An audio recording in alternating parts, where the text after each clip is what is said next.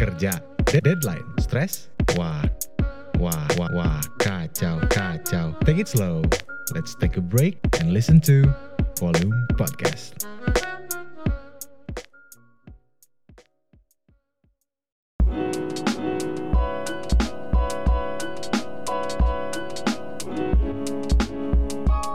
Hai, welcome to Volume Podcast. Udah lama sih gue nggak gini-gini ya. Terakhir akhir tahun kemarin atau awal tahun ini. Buat kamu-kamu yang nunggu kabarnya Volume Podcast ya ini sekarang kita udah balik lagi. Gue curhat dulu dikit boleh ya? Kemarin itu Volume sempet vakum dulu. Sekarang kita mau rebranding dan rebrandingnya itu kita kerjasama sama Ruang Raga. Dan Ruang Raga juga kebetulan emang mau rebranding. Nah, rebrandingnya itu salah satu caranya dengan rewrite.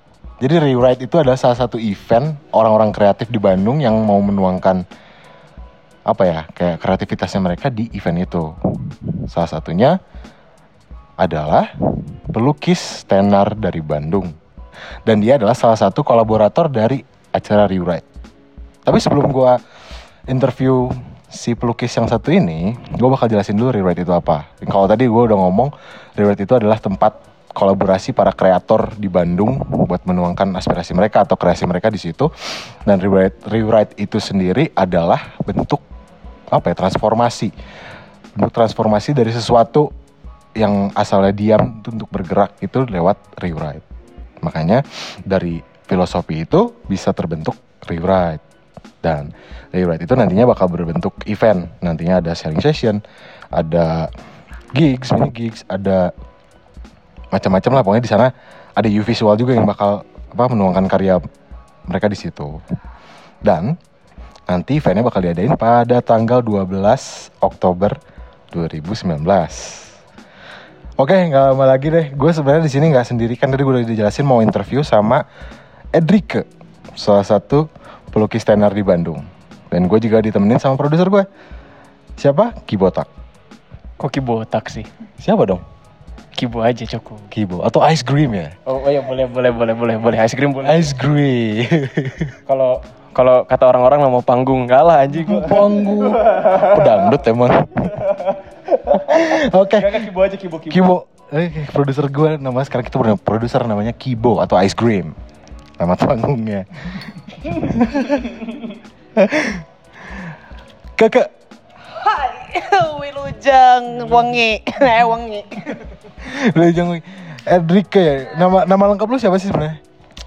Panjang, tapi panggil aja Keke Edrika Josensia.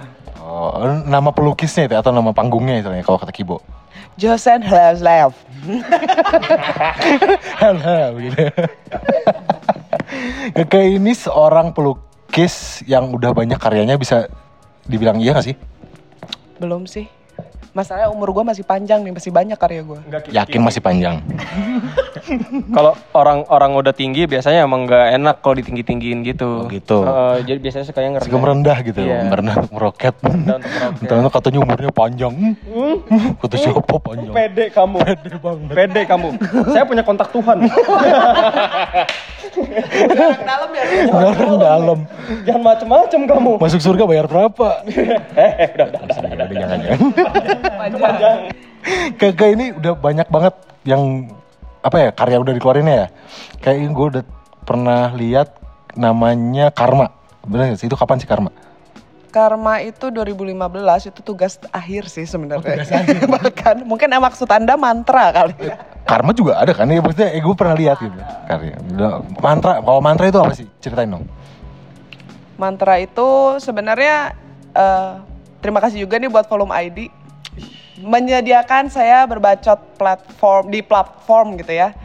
Karena kesulitan komunikasi saya adalah mengkomunikasikan apa yang seorang dari sektor seni rasakan gitu. Karena kadang frekuensi kita itu sulit dikomunikasikan. Makanya kayak pernah gak sih di ruang publik kayak ngerasa naon sih ini seniman ngomong naon gitu. Kayak makanya eh, banyak sih mengenai seni yang pengen aku udah mulai sharing gitu loh ke publik terutama. Apalagi sekarang kan lagi gencar banget ya sektor kreatif gitu kan. Kata siapa? Hah? Kata siapa? Google. generasi muda zaman sekarang ya kalau nggak tahu nyarinya Google. Iya, Oke, enggak, enggak, tapi serius, serius, serius. Lalu tuh obat ya bos. Gue masih zaman DOS masih ada loh gue. Oh iya. Waduh. eh jokesnya ilmiah maaf. Jadi Gimana, gimana, gimana? jadi langsung aja kali ya sedikit serius nih ya. Bentar aja kalem. Jadi eh perjalanan kreatif aku cukup panjang sih Hmm. gitu. Dan ketidakpuasan itu sudah klasik di antara pegiat seni gitu. Hmm. Di sini eh, coba agak segmentasikan bedakan antara seni dan desain. Iya. Mungkin udah pada tahu gitu, desain itu adalah seni yang difungsikan. Hmm. Sedangkan kalau seni sendiri pada kiprahnya dia itu orang pasti ngomong seni mah udah bebas, oh tidak. Hmm. Karena seni itu berhubungan dengan Tuhan langsung. Makanya Tuhan Teologis ya? teologis ini. Saya mah bicara logika ini. Tadi tuh tema besarnya saya yang saya dengar curi eh curi dengar waktu di off air tuh rasa nih. Oh. Saya curi dengar tadi. Kok kenapa ngebocorin ya? Padahal mah ini saya mau build up dulu mbak Dibocorin duluan Bagaimana? Ya udah. Gimana Prod? Gimana Prod? Gimana kita udah dibocorin duluan nih? Eh, bi- bisa kok dikat. Gak usah, gak usah Gak, ya emang bener kita mau ngobrolin rasa ya kan Makanya gue nanya dulu tadi apa sih mantra itu ceritanya gimana? Apakah ada rasa di balik mantra itu? Atau misalnya dari karya-karya lo yang lainnya apakah ada rasa dari situ yang lo tuangin ke bentuk seni lo gitu? Ini maaf ya prolognya kebanyakan karena perlu banget ini apa namanya guidance dulu nih. Maksudnya eh, podcast ini istilahnya kita coba agak bertoleransi dalam artian aku juga mewakili perasaan-perasaan seniman lain lah anggap Iya. gitu. Sedikit masuk ke dunia kami gitu. Hmm. Kapan lagi gitu Iya. kan. Jadi kalau misalnya spesifik kebahas mantra itu nanti aku bongkar di pameran tunggal aku mungkin 2021 Ki. Oke. Buset tuh off air, on air udah ngebongkar. Lu juga ngebongkar duluan. Kena kan lo? Kena nih gua. Yo, enggak, yaudah kalau misalnya itu spoiler ya, spoiler berarti. Spoiler alert itu. Spoiler alert ya. Jadi ini aja deh, gimana sih kayak lu inspirasi di balik lukisan-lukisan lu apa biasanya atau apa? Karena di gua gue sempat ngobrol sama yang lain tuh kadang-kadang dia kritik ke masyarakat lah atau apa gitu kan. Kalau lu sendiri gimana? Kalau aku lebih ke arah personal ya, itu bener sih Ki yang tadi kamu omongin kayak seni itu dan pegiat kreatifnya lah ya aku bilang ya itu pasti mencari persoalan kayak kita tuh cari masalah gitu sebenarnya Bahaya juga dia. iya jadi eh, kalau aku pribadi aku berangkat dari personal. Hmm. kayak gitu. Dan itu prosesnya lama gitu.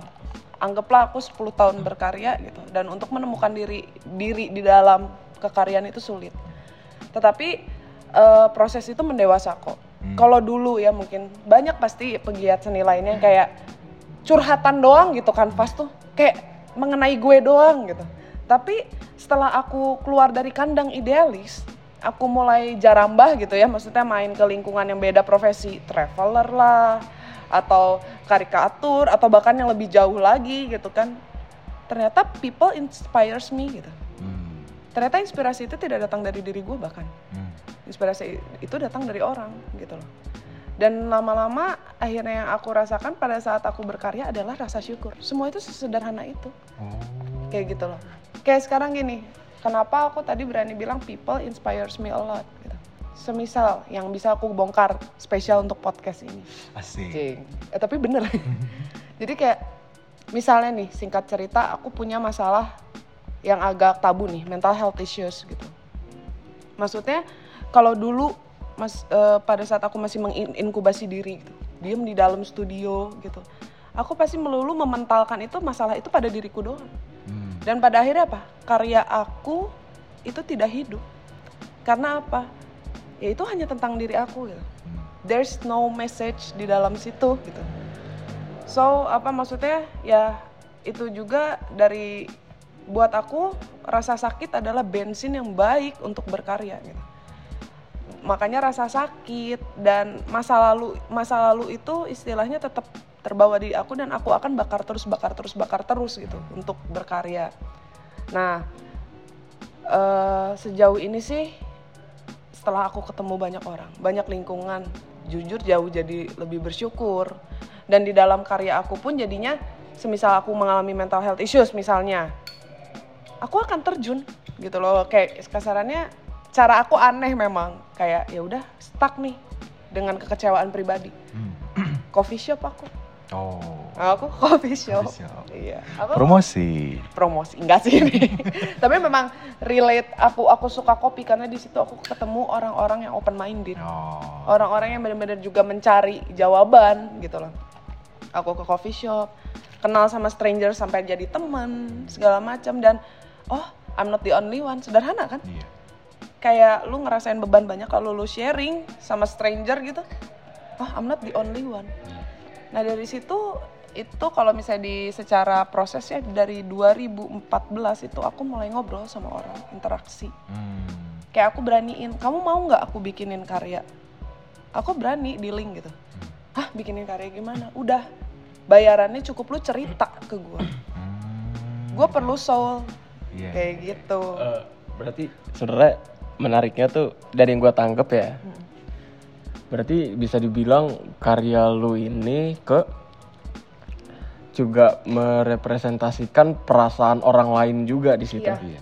Jadi selain dari diri lo sendiri karena lo dewasa dengan dari proses yang lo lakuin itu lo bisa comparing iya comparing sama orang dan ikut ngebantu juga mungkin ya. Ada nggak sih pernah yang bilang kayak, oh ke thank you banget gue dari karya lo gue bisa ngerasa gini gini gini kayak lo dapat feedbacknya nggak sih dari apa yang lo lakuin itu? Off the record yes dan bisa dibongkar di DM gue lu mau Oh boleh nanti Boleh apa itu. aja di volume tuh. Iya nanti nanti gue ini up semua bongkar yang Iya. sampai percintaan juga gue bongkar. Kalau perlu ya volume jadiin lambe aja sekalian. Oh jangan dong, jangan, Jangan. jangan, Nah itu kan dari situ duit. jangan ragu-ragu. Nah, terus Iya. balik balik balik lagi balik lagi. jadi balik lagi eh, ya itu sepak terjang aku aku mencoba di 2014 Hmm.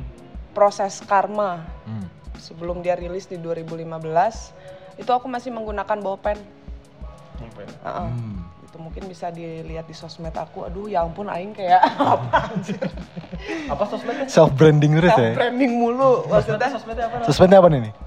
social media Sosmed elu, Mbak. Gue juga tahu. Sosmed elu. Sosial media. Oke, kok nggak mau follow juga nggak apa-apa, yang penting kepo ya. At Josench herself. J O O S E N C Josen Joseph. Bisa aja. Berasa banget gila banget ini bener ya Keke ini inspi- inspiring banget anaknya Secara juga. secara nggak sadar kita juga bisa tahu ternyata Keke ini dulu sebelum merambah menjadi pelukis Iya. ya kan dulunya mungkin cheerleader ya. cheerleader. bener bener lagi. G O D J O B good job, good job. gue mau cut di situ sebenarnya. Udah. Ya, jadi lu juga yang yang penasaran bisa kepoin juga sih apa IG-nya Keke yang tadi super ribet itu bisa lu bisa kepoin di sana gimana apa gue juga sempat ngepoin kan apa gimana perkembangannya Keke gitu kan dari misal eh, dari karyanya dari dulunya Keke itu kurus ternyata sekarang eh sorry sorry sorry Sensitif, sensitif, sensitif. kita ngomongin rasa aja lu nggak boleh insensitif ya Iya. Iya. Itu Ya. bukan rasa lagi jatuhnya pak. Apa? Emosi. Boleh nyanyiin lagu anggun nggak? ya gila bener ya jadi karya itu nggak sebatas lu nuangin apa yang lu rasain kan ya jadi bisa bisa dari rasa orang lain atau misalnya terinspirasi dari mana pun pokoknya itu output lo itu apa apa pun yang orang rasain atau yang lo rasain outputnya ke karya lo gitu Iya, dan istilahnya behind the scene di balik kekaryaan itu achievement itu banyak gitu. Hmm. Dalam arti aku menemukan akhirnya titik terklimaks adalah ketulusan. Hmm. gitu kalau misalnya ke karya dalam artian sekarang aku udah nggak mikir kayak capek ya kalau nge-scroll anjing gambar si ini ya 3D banget anjir sampai ke pori-pori beb gitu kan mencuat-cuat enggak aku udah nggak mikirin teknis aku lebih mikirin soulnya di sana Hmm. karena aku belajar lagi dari yang waktu 2014 aku bikin karya setulus mungkin gitu kayak apa ya ternyata yang namanya rasa itu tuh frekuensi yang paling solid gitu loh mungkin frekuensi paling solid eh, di dunia mistis santet aduh Aduh. Aduh.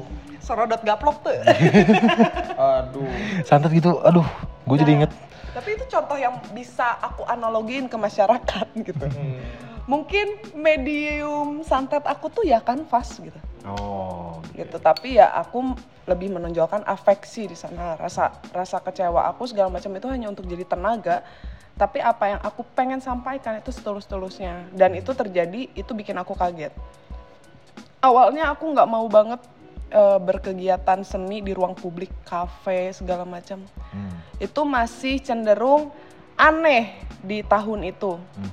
2015 2016 tuh aneh karena ya seni mah pamerannya di galeri Oh, gitu ya. atau di tempat kolektifan seni gitu waktu itu aku mikir kayak kayaknya gue butuh lebih banyak energi Hmm. tapi gue juga ngalamin dilema apa aduh gue biasa ngurung diri loh gue bi- biasa kayak karya itu privacy gue. Hmm. gitu loh. Rahasia adalah hal yang paling nggak mau gue ungkapkan. Tapi pada pada saat itu aku punya teman namanya Patrick. Dia orang kopi. Terus dia ngajak aku keliling coffee shop lebih banyak. Sampai akhirnya nemuin Morgi Morgi sekarang namanya Kontras Coffee. Itu pertama kali aku pameran di publik itu 2000 eh, pokoknya di bawahnya 2016 2017 aku pameran di publik gitu kan. Coffee shop dan itu pun aku mendapat istilahnya respon jelek ada bagus pisan ada anjir pro kontra Iya. Kalau ngomongin yang tadi tuh yang si Keke ketemu Morgi kontras itu, itu ada backstory sebenarnya di situ. Gimana lu tahu? Jadi waktu itu gue lagi ngerjain buat tugas akhir film, film dokumenter. Kebetulan di situ waktu itu ada Sujio Tejo. Iya. Iya, Sujio Tejo. Tahun berapa tuh? Du tahun lah 17 ya? 17 itu 2017. Hmm, Dua, dua tahun yang lalu. Nah, gua secara nggak sadar, gua nggak interview si Sujio Tejo. Ini belakang ya, background ya, itu lukisan. Gua nggak tahu itu lukisan siapa. Tahunya? Taunya ternyata itu lukisan si Keke. Oh, itu karyanya apa tuh yang lu pajang di situ? mantra. mantra. Oh, mantra. Jadi mantra itu di Morgi Coffee ya sekarang dulu namanya kontras itu pameran tiga kali. Oh. Itu karena request dari publik. Aku pun kaget karena em, nyalain rokok dulu guys, maaf ya. Basah lagi rokoknya. Basah bro, Info banget. basah bro. Jadi eh, pas di kontras itu tiga kali mantra dipamerin. Eh, yang pertama itu ya mantra aja. Dan aku pun di situ udah nggak naruh ambisi sama sekali. Kan tadi aku bilang aku komit setulus mungkin. Aku cuman pameran pakai panel, tem apa tembak gambarnya pakai video mapping sama U visual dulu. Oh. Dulu sama U visual tuh pertama kali karya drawing ditembak sama proyektor. Itu pun aku mendapat pro kontra. Hmm. Ditanyanya, emang lu mikir apa? Itu Seni sama komunitas seniman gue atau misalnya sama orang umum? off the record aja. Oh, bener kan. Oke, jangan dijulidin ya berarti. Jangan. Tapi itu nyata terjadi dan di situ perjuangan aku, aku merasa diri aku kompak dengan diri sendiri gitu. Lagi berdamai banget tuh kayak udah gas aja dan waktu itu dikuratorin sama senior aku Bob Adrian yang sekarang megang Backcraft. Jadi waktu pameran mantra itu bener-bener segala sesuatunya aku lakuin dengan tulus sih dan di situ pun aku mulai percaya sama semesta. Kayak apa ya? Ini terlalu melankoli kali ya. Tapi semesta tuh se se apa ya? Segerget itu buat aku. Jadi karya mantra ini tuh benar-benar aku sayang, kertasnya aja aku ajak bicara. Terus sampai orang-orang bilang, "Lu ngapain pameran di ruang publik?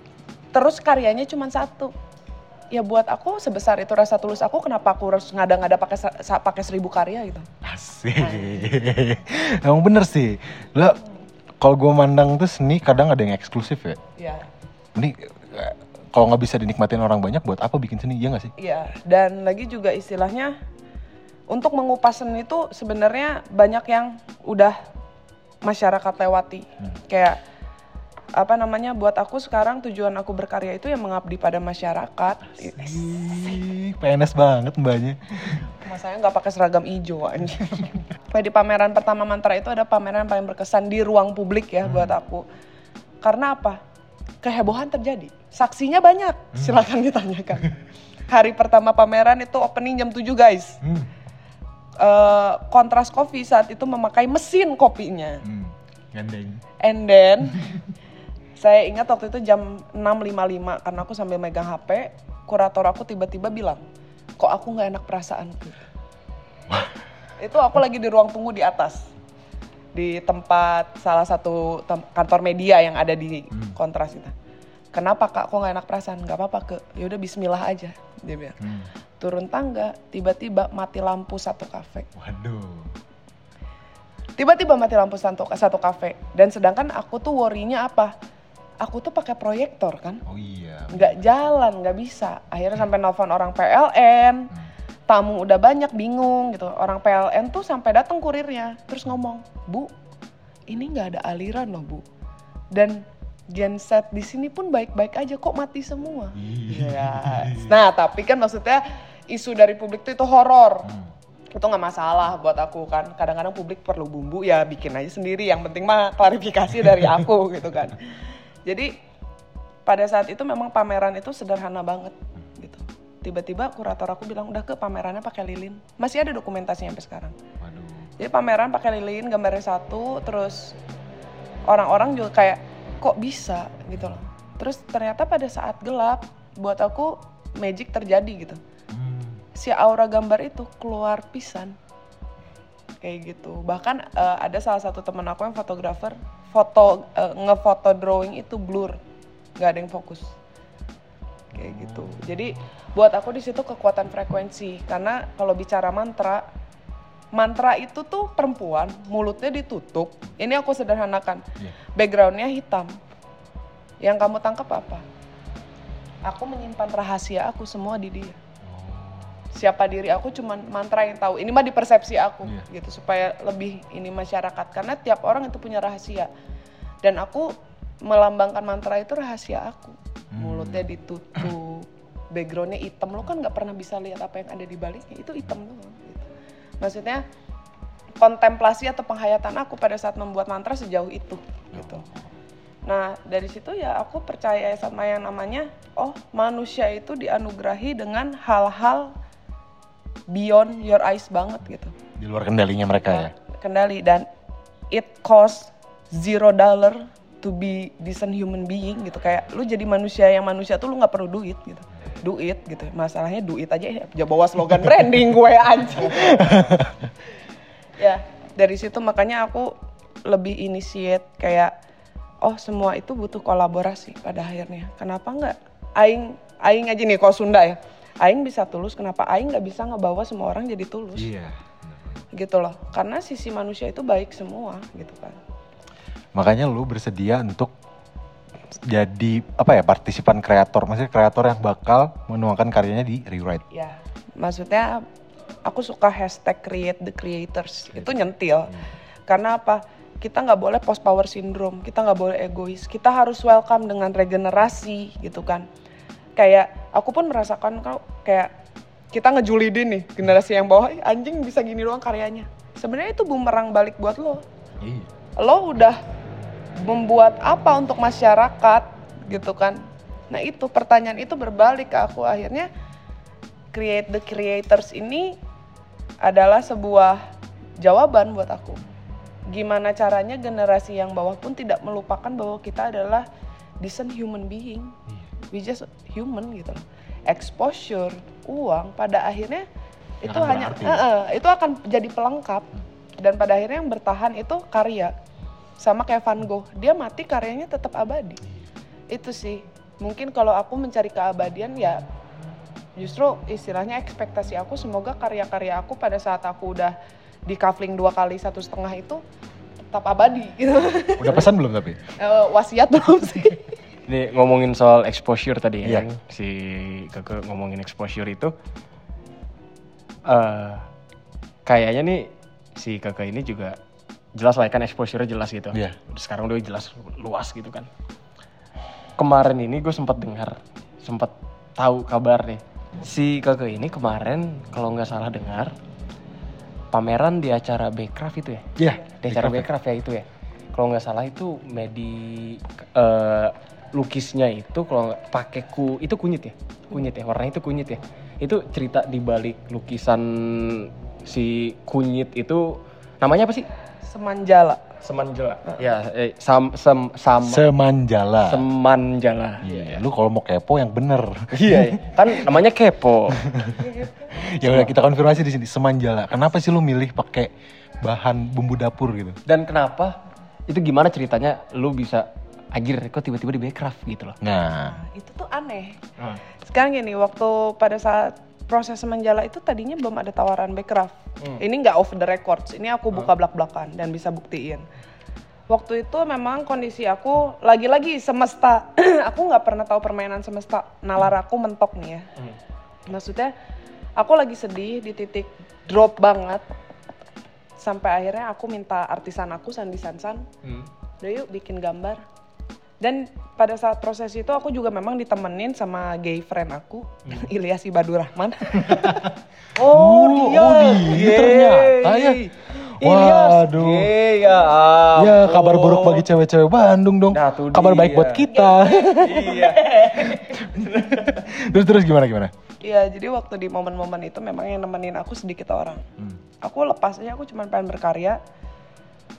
Itu kanvas tuh, aku udah mikir pakai kanvas nih. Terus bingung mau diapain. Di rutinitas lagi di momen kemarin ini tiba-tiba Ilyas dateng, bawain sate padang. Very good gay friend gitu kan. banget ya. Pokoknya dia menyemangati gua lah gitu. Dia mah temen neraka gua, neraka, ke neraka gua aja, ke surga gua ajak gitu ntar. lanjut lanjut lanjut. Mau dikenal Nah. gak? Eh, ini agak ini agak ribet ya. Bermain dengan nah di seni juga ada yang disebut unconscious mind gitu kan. Sebuah teori seni gitu kan. Ilyas ini tidak pernah ganti baju kalau ketemu saya di kala itu. Bau dong. Saya tidak tahu baunya, untung hidung saya buta.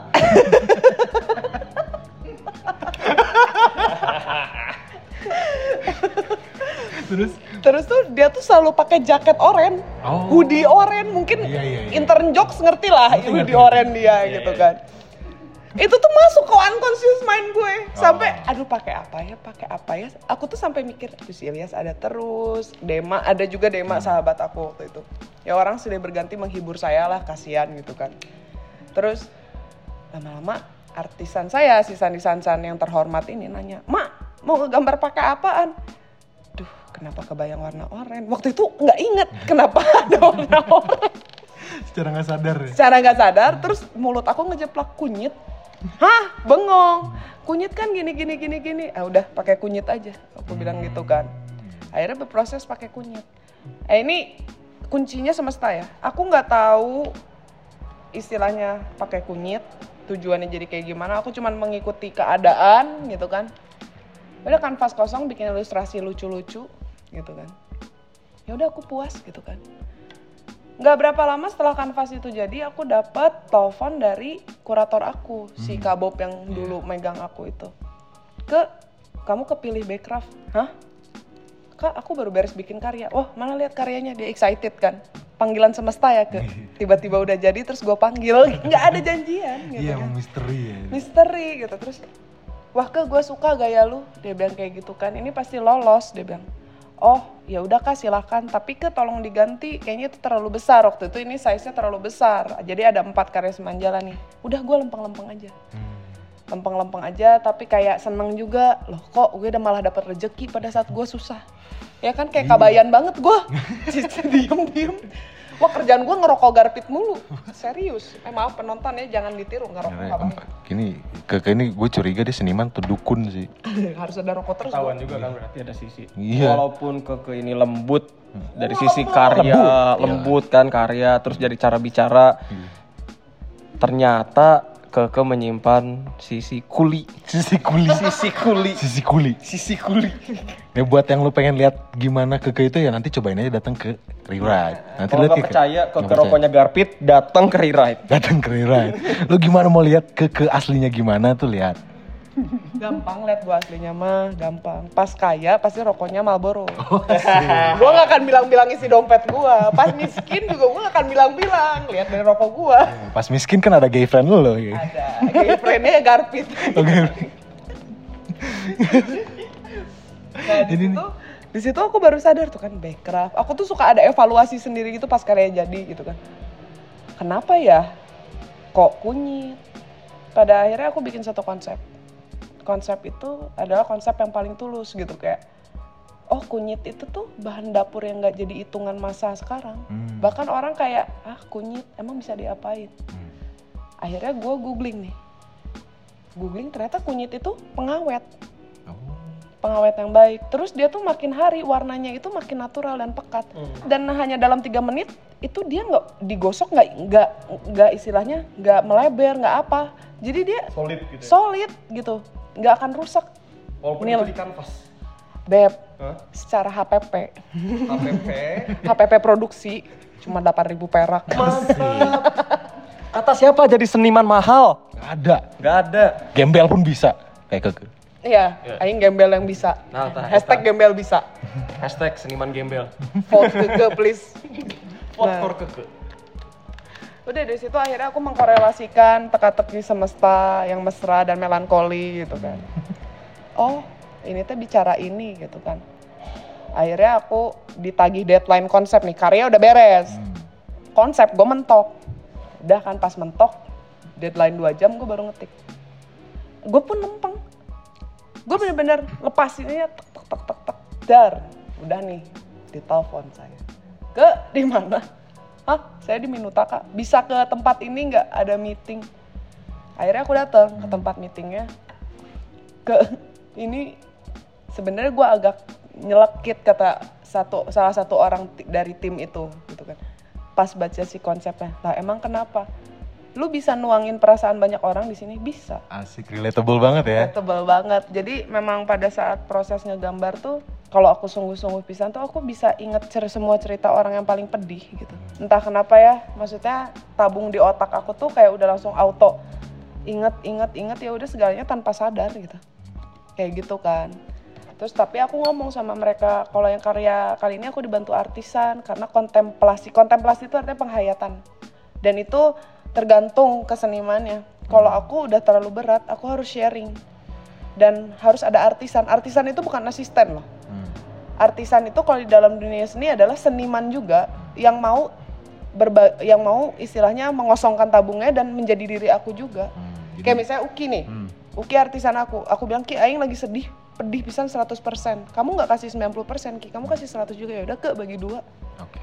gitu. Jadi eh makanya peran Sandi Sansan juga sangat penting karena aku tuh orang yang sangat-sangat tertutup sebenarnya anjing. Lagi. Eh, solehah insight. Burik outside. Ayo anjing kamu Enggak, enggak. Ada yang punya obat eksim gak guys? Kok jadi curhatan medis di sini? Ini jadi curhatan medis. Ya, Halo, dokter. Maksudnya buat aku apa ya? Seniman itu dianggap aneh segala macam. Emang kita aneh kok. Hmm. Dianggap nyentrik, deh. emang kita born different. Makanya gue suka banget sama Lady Gaga. Dia, Oh iya, gue gue gue by Dia- nggak malu untuk mengeluarkan apa yang eh, dia gitu. Iya. Itu dia. Dan itu nggak narsis, kayak kita punya persepsi I'm beautiful in my way gitu loh. Not Yep, yep. that I'm way gitu. Hmm. Eh my way gitu. Apa ya? eh jujur, semua karya aku itu berbicara intim. Karena buat aku yang namanya kata literasi itu ada batasannya, Beb. Gitu kan. Tapi kalau yang namanya udah attach itu tuh udah beyond, cukup lo rasain. Nah makanya kalau kita ngebahas rasa, buat aku definisi rasa persepsi aku itu adalah rasa itu frekuensi, Hmm. gitu loh. Ini sering aku ulang banget nih tagline ini. Jadi kayak Frekuensi dan ketulusan itulah Ketulus-. Jangan. Aing jadi buyar. Jadi kayak ya frekuensi itu rasa buat buat aku tuh kayak ya, frekuensi rasa tuh frekuensi ki ah jadi marah aing. jadi eh, gini kalau kita semua aku bilang gelas kita akan kompak ngangkat gelas gelas bentuknya seperti ini tapi kalau aku bilang ki rasa senang maneh seperti apa Hmm. bentuknya loh. Bentuknya. Gelas itu bentuk. Hmm. rasa senang maneh kayak apa ki? Kotak segitiga emoticon. Diferensiasi itu memperkaya kita. Ah, iya. gitu loh. Kayak rasa seneng uki ya aing mah segitiga ke. Rasa seneng kibo lingkaran ke. Da aing mah kurva. Oh. itu. Maksudnya eh, makanya seniman itu selalu punya originalitas kenapa ya karena kita punya kita itu punya perjalanan. Kalau di dalam seni itu disebutnya katarsis. Nih aku kasih ensiklopedi seni ya. Oke.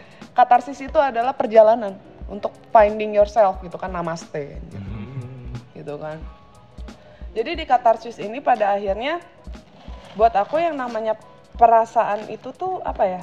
Kalau kita nikmati kadang enak kadang enggak gitu kan dan aku mencoba membentuk itu dan semua pegiat seni pasti mencari bentuk perasaan yang mereka jalani Hmm. semua gambar itu adalah bentuk perasaan Hmm. kayak perasaan sedih aku bisa dibilang mantra Nah. perasaan sakit aku itu karma Hmm. gitu ngerti gak sih Iya. tapi sakit tuh banyak gitu Hmm. dan nggak bisa kayak hanya dengan persepsi Uki atau Kibo gitu banyak persepsi gitu. makanya tapi eh, harapan aku yang paling besar itu eh, pengen banget gitu mengedukasi bahwa slow jangan terburu-buru ngelihat makanya aku tuh sering banget ya dapat DM kakak ke ajarin gambar aku nggak bisa ngajarin karena lu pasti udah punya bakat dengan bentuk lu Oke. semua pegiat kreatif tuh hanya perlu dimotivasi, dibukain cangkangnya demi cangkangnya. Karena aku selalu percaya orang yang kreatif itu selalu menyimpan lebih dan anak yang sensitif itu lahir tuh sedikit. Gue sensitif banget anaknya. Iya, makanya kan kayak pengolahan itu harus dimotivasi. Makanya kayak kalau disuruh ngajarin gambar aku akan menolak tegas. Tapi kalau aku kamu jadikan partner untuk menemu- menemukan diri kamu, yuk kita jalan. Hmm. Ngerti gak sih? Jadi lu nggak mau kayak menggurui orang gitu? ya? Enggak, gue paling nggak mau karena apa ya? Eh, aku percaya perbedaan, keunikan itu menciptakan authenticity kita, Hmm. gitu loh. Kalau di desain disebutnya brand identity yang paling core, gitu kan. Semua harus bisa menemukan itu. Hmm. Terus kayak apa ya? Di era yang serba praktis seperti ini, kayak cobalah kita sedikit punya momen untuk agak manual gitu. Three pedals gentleman dong.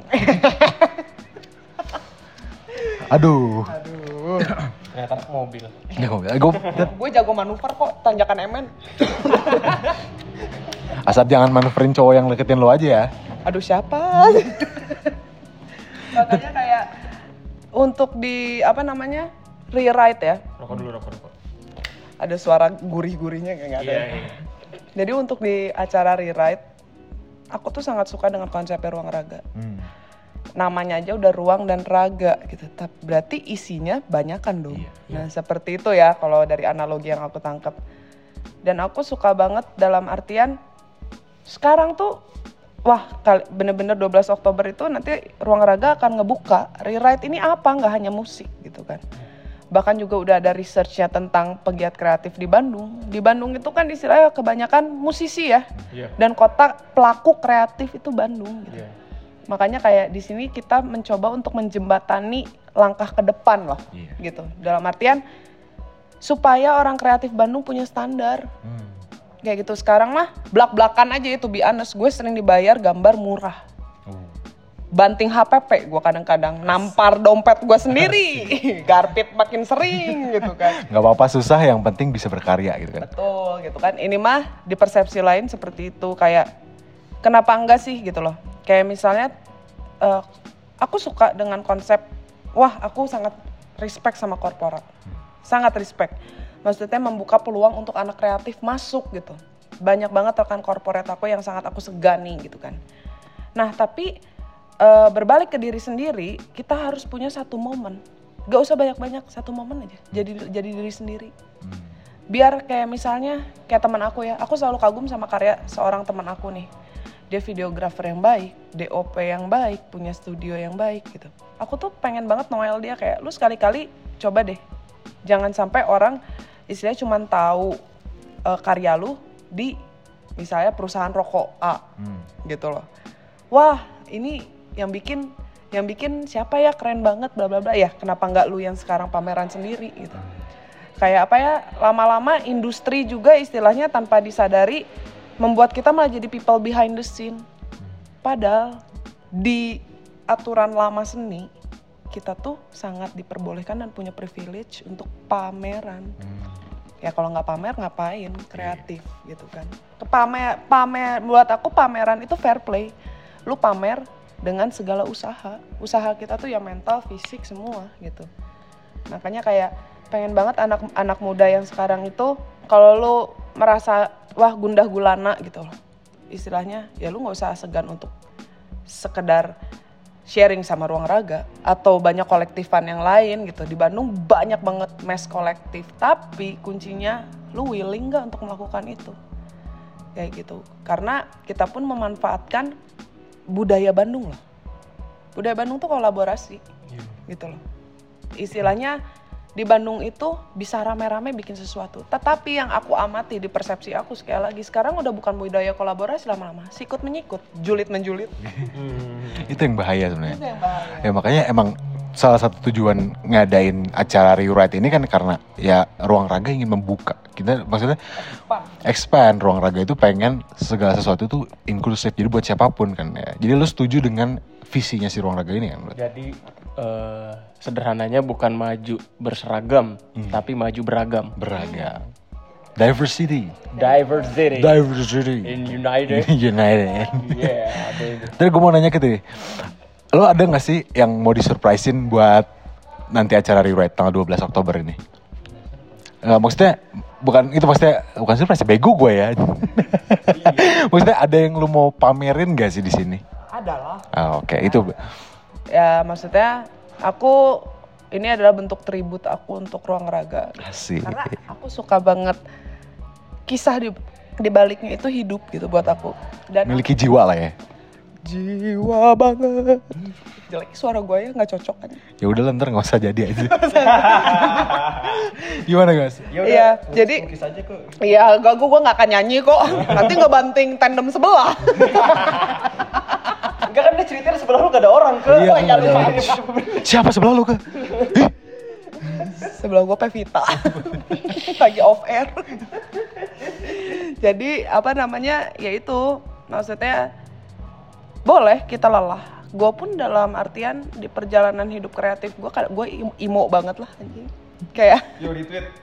Sobat Imo. sobat imoku kan gue pernah imo gitu eh, karena kapok dengan satu dan dua hal sampai ngedeaktif Instagram sampai drama Instagram gue di hack Aduh, hilang Instagram pertama gue Instagram hilang, bisnis hilang. udah tapi gue pasrah gitu kan Off the record itu. Off the record, dikat ya di sini ya. Sorry, gue pernah miskin tahu siapa sih yang enggak? ya sih bener gue miskin banget waktu itu dan gue menikmati Sekarang udah enggak berarti itu kan? Berarti kan waktu itu kan. Kalau waktu ini kalau kata jenderal walu saya Zaini itu sejetrek dua jetrek ada Oh, sombong amat. tuh. Yoi. nembak-nembak cash pakai tembakan itu. Oh iya. tapi tenang OVO di, diisiin sama tanaman saya saya nggak bisa ngaplikasiin m banking ternyata Oh iya. Tetep ya, ya parasit tuh tetep ada gitu. Gak akan hilang. Ya ampun. jadi ya pokoknya rewrite ini adalah ketulusan yang dilebur jadi satu. Bener sih. tanpa nah kadang yang aku sangat eh, sedih dik- diktator itu dalam artian tanda kutip itu muncul bahkan bukan dari orang-orang kreatif tapi orang-orang yang istilahnya ingin menumpangi nama besar kreatif gitu loh. Kayak memaksakan paham atau idealisme tertentu gitu loh makanya aku di sini pengen banget biarin kita beda mah. Aing tetap dilukis maneh tetap di musik maneh tetap di misalnya video tapi bisa nggak tantangannya kita jadi satu kandang? Karena kita orang-orang yang lahir dengan idealis tinggi. Tapi tantangan di 2019 ini gimana caranya mana realistis? Mana bisa nggak idealis tapi realistis? Gitu kan. Makanya di rewrite ini mah aku tetap jadi diri aku. Ruang raga tetap menjadi basis ruang raga volume ID tetap berkicau nanti di kandangnya eh spoiler. Aduh, spoiler kan? Tadinya mau surprise. Eh, giliran mau dibocorin nggak boleh. Udah dua kali tema dibocorin, konsep dibocorin. Gatel. ya pokoknya itulah adalah salah satu konten lah ya. Tadinya mau surprise tapi biarin. Kita bakal live di live podcast di acara Rewrite tanggal 12 Oktober nanti. seperti itu. Jadi kayak tetap lu boleh idealis karena idealis itu memperkarya karya lu. Memperkaya karya lu. Aduh RT susah nempatinnya tapi lu harus realistis gitu. Maksudnya lu harus ngikutin zaman. Lu nggak usah takut kolaborasi kayak memegang idealis. Duh aing mah manual pisan. Aing mah hanya cukup kanvas dan kuas gitu. Lu nggak perlu kayak gitu. Lu nggak usah segan untuk apa namanya? Bukan eh diri. kolaps dong Iya, eh kolaps dong. bisa nggak ya digital sama lukisan misalnya bisa nggak ya? Misalnya musik jadi stimulus gue terus gue ngegambar lagu lo. Seperti itu. Bisa nggak ya gue nge-podcast live sampai berisik-berisik itu di luar gitu ya? Eh, Kayak gitu. bisa. Kan anda divakumin. Oh, disiden. Spoiler lagi. Udah nanggung. Ke. Apa? ke. Untung mana kolaborator di sini ke ke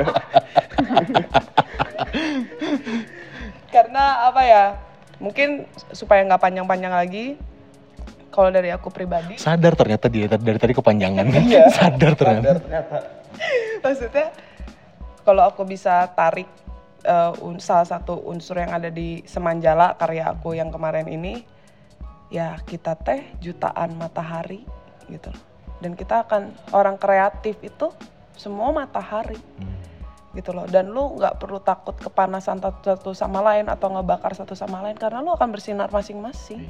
Dan kita mah tetap terang gitu. Makanya apa jangan ngerasa aduh gambar gue jelek segala macam itu nggak udah nggak zaman beb nih gue ngomong sekali lagi udah nggak zaman lo insecure. Open up man gitu. Dan lu cari pintu-pintu.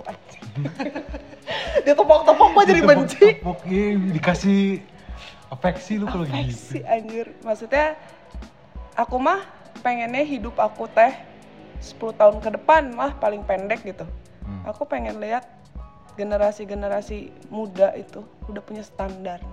Hmm. udah dihargai. Dalam artian udah berani ngomong harga desain gue 10 juta berani apa enggak? Asik. kayak gitu. Nggak lagi melulu duh daripada nggak punya uang ya segala macam. Itu mimpi gue gitu. Karena momen itu gue sadar pada saat gue menyandang gelar sarjana. Oh gue punya tanggung jawab gitu loh ya bukan tanggung jawab terhadap diri gue juga Wih, ngeri ngeri nggak Udah dari tadi PNS mulu ya ini ya.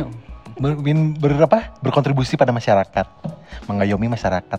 iya karena istilahnya kita udah nggak bisa di zona nyaman kadang-kadang nggak bisa eh, di zona nyaman terus lo sedikit keberi- keberanian lo bisa mengubah timeline ser- eh, sejarah sedikit keberanian lo bisa bikin mundur timeline kiamat. So do it anjir. Plastic free ya. Oke. thank you banget lo Uki sama Kibo. Volume ID berjalan. Amin, sama-sama. Ih, jadi nggak sabar. Sebenarnya gue pengen lihat Keke beraksi di rewrite dia. Nanti, eh, gue lupa ngasih tahu. Nanti rewrite itu tanggal 12 Oktober akan diadakan di Minuta Space. yang kebetulan adalah juga Oh iya, Ya, Minuta Space itu tempatnya bukan punya Keke gitu. Jadi informasi yang tadi saya dapat itu salah ternyata bukan punya Keke gitu. Jadi keuntungannya nggak masuk ke dia. Jadi bakal diadain di Minuta Space nanti tanggal 12 Oktober. Buat lo semua yang pengen datang, yang pengen lihat Keke gimana dan pengen lihat acaranya kayak gimana sih, ada siapa aja, nanti bakal tahu lah. Dan juga jangan jangan lupa follow ID-nya eh, rewrite apa? Rewrite underscore ID. ID. Itu lo bisa search dan lu- jangan lupa follow. Di situ bakal ada informasi-informasi tentang rewrite ada apa aja di sana dan bakal ada siapa aja di sana. Oke. Kayaknya udah capek gue ngomong dulu sama Keke. gue juga capek ngomong berdua Lu banyak ngomong. ya kan dia mau speaker oh, speaker. iya tugasnya ngomong Tugasnya ngomong. Oke, gak akan gue diundur-undur lagi, gak akan lama lagi. Gue pengen sign out dulu nih dari sini capek. udah malam juga Udah malam, malam juga. Kan orang nggak tahu ini malam. ya biar tahu suasananya Oh iya oke. Ya udah gue oke dari volume podcast mau signing off dan jangan lupa datang ke acara rewrite nanti tanggal 12 Oktober di Minuta Space. Dadah, selamat tinggal sampai berjumpa di volume podcast episode selanjutnya. Yeay.